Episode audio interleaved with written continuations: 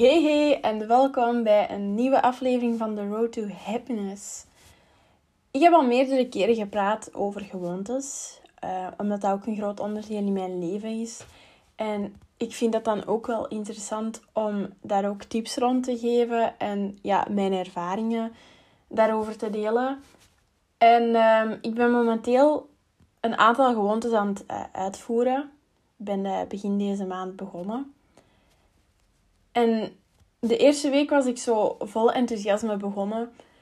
Maar eigenlijk zoals verwacht heb ik het geen hele week volgehouden. En ja, weet je, dat is oké Alles heeft zijn tijd nodig. En ja, geduld is een mooie daad. En ik heb die eerste week ook gewoon zoiets van, ja, weet je, zo so be it. En ik ben de tweede week dan met diezelfde mindset gestart uh, als de eerste week. Alleen heb ik mezelf gewoon wat meer gemotiveerd. En ik zeg niet dat ik alle twaalf gewoontes elke dag heb uitgevoerd die, twee, die tweede week. Maar de meeste wel. En ik probeer dat ook gewoon te accepteren dat dat niet altijd perfect loopt. Dat dat niet altijd, uh, dat niet altijd alles roze geur en maneschijn is. Nu, mijn ochtendroutine die loopt wel goed. Allee, zo door de week. In het weekend ben ik dan nog zo aan het uitzoeken. Um, hoe dat, dat eigenlijk het beste gaat. Omdat mijn weekend zo wel een beetje anders is. Maar daar kan ik dus nog niet echt uit concluderen. Um, omdat ik nog niet zo lang genoeg bezig ben met mijn gewoontes uit te proberen. Specifiek op, in het weekend dan eigenlijk. Um, nu ja, het belangrijkste is eigenlijk dat je gewoon accepteert dat het altijd fout kan lopen. En ja, oké, je moet natuurlijk niet zo denken, hè. Maar in het begin is dat altijd gewoon een beetje zoeken wat dat werkt, wat dat niet werkt. En waar het fout loopt, daar kun je dan op reflecteren. Want ja, zelfreflectie is wel iets belangrijk. Om, omdat ja, dat, je daar dan uit kunt leren, eh, leren. Maar je mocht ook weer niet te kritisch zijn voor jezelf. Gewoon reflecteren over wat dat je vindt dat beter kan. Wat je beter kunt doen. Um, maar kijk ook wel vaak naar de dingen waar, waar dat je goed op gaat. Allee, wat dat, dat je wel goed doet. Omdat dat je ook wel dan een beetje motiveert. En je moet je dus niet alleen focussen op hetgene dat niet goed gaat. Want dan gaat je alleen maar denken, ah, maar ik kan dat niet. Ik kan niks goed. En ik ben nu... Allee, het is nu bijna het einde van een maand. Allee, dat ik die podcast hier aan het opnemen ben. Ik weet natuurlijk nog niet wanneer ik die online ga zetten. Um, maar ik heb hier zo'n habit tracker aan mijn bureau hangen. En daar staan 12 gewoontes op. En ik moet zeggen dat er eentje gewoon echt... Waar ik twee keer heb gezet over een hele maand. En dat is drie keer per week sporten. Omdat gewoon... Ik, ik heb dat de eerste week gedaan, maar na een tijd had ik zo... Ik heb daar gewoon geen tijd voor. En dat is zo echt een, een typisch excuus dat mensen gebruiken. Ja, ik heb daar geen tijd voor. Ik heb het te druk.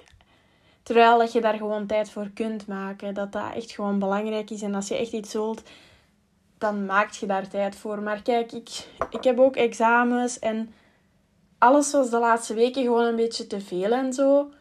Ehm, maar de rest van die gewoontes zijn bijna allemaal gelukt. Dus waarom zou ik mij dan focussen op dat ene ding dat ik niet gedaan heb? Dan weet je gewoon naar de toekomst toe van, ah ja, maar als ik dat echt wil, dan ga ik dat echt wel proberen. En als dat iets is dat je gewoon doet voor iemand anders, omdat je wilt sporten om er beter uit te zien, dan weet je genoeg dat je die gewoonte niet moet blijven proberen. Want als je dat echt gewoon niet doet voor jezelf, ja, waarom zou je het dan doen? Snap je? Het is belangrijk om dingen te doen voor jezelf en niet voor iemand anders. Want dat is, dat is echt een hele belangrijke.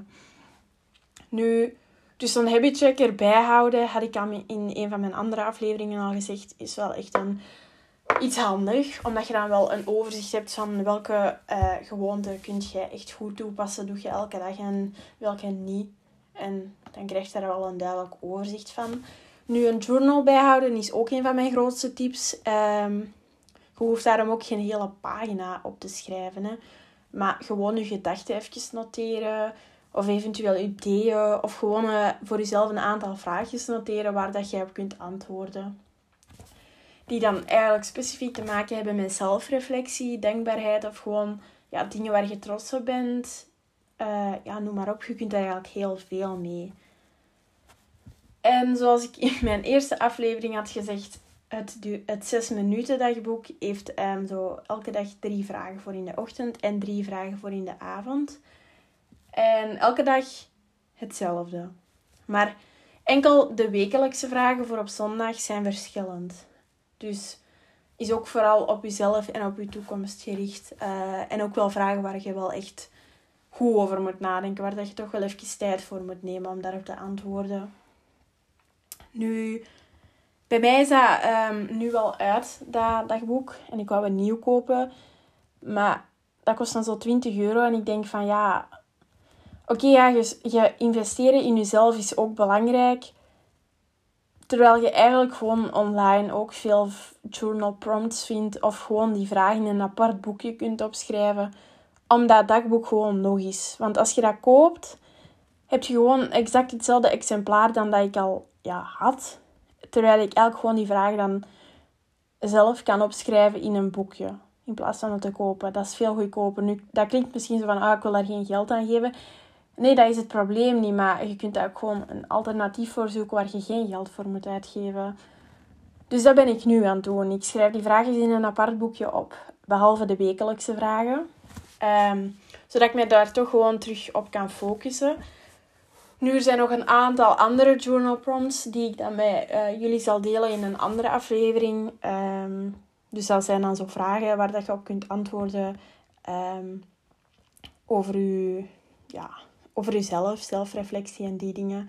Uh, en er zullen er ook wel een aantal zijn die ik dan uh, zelf heb gebruikt. Of die ik ooit wou gebruiken. Want ik heb wel echt al een aantal keer zo'n journal proberen bijhouden. Maar ik heb dat nooit lang volgehouden.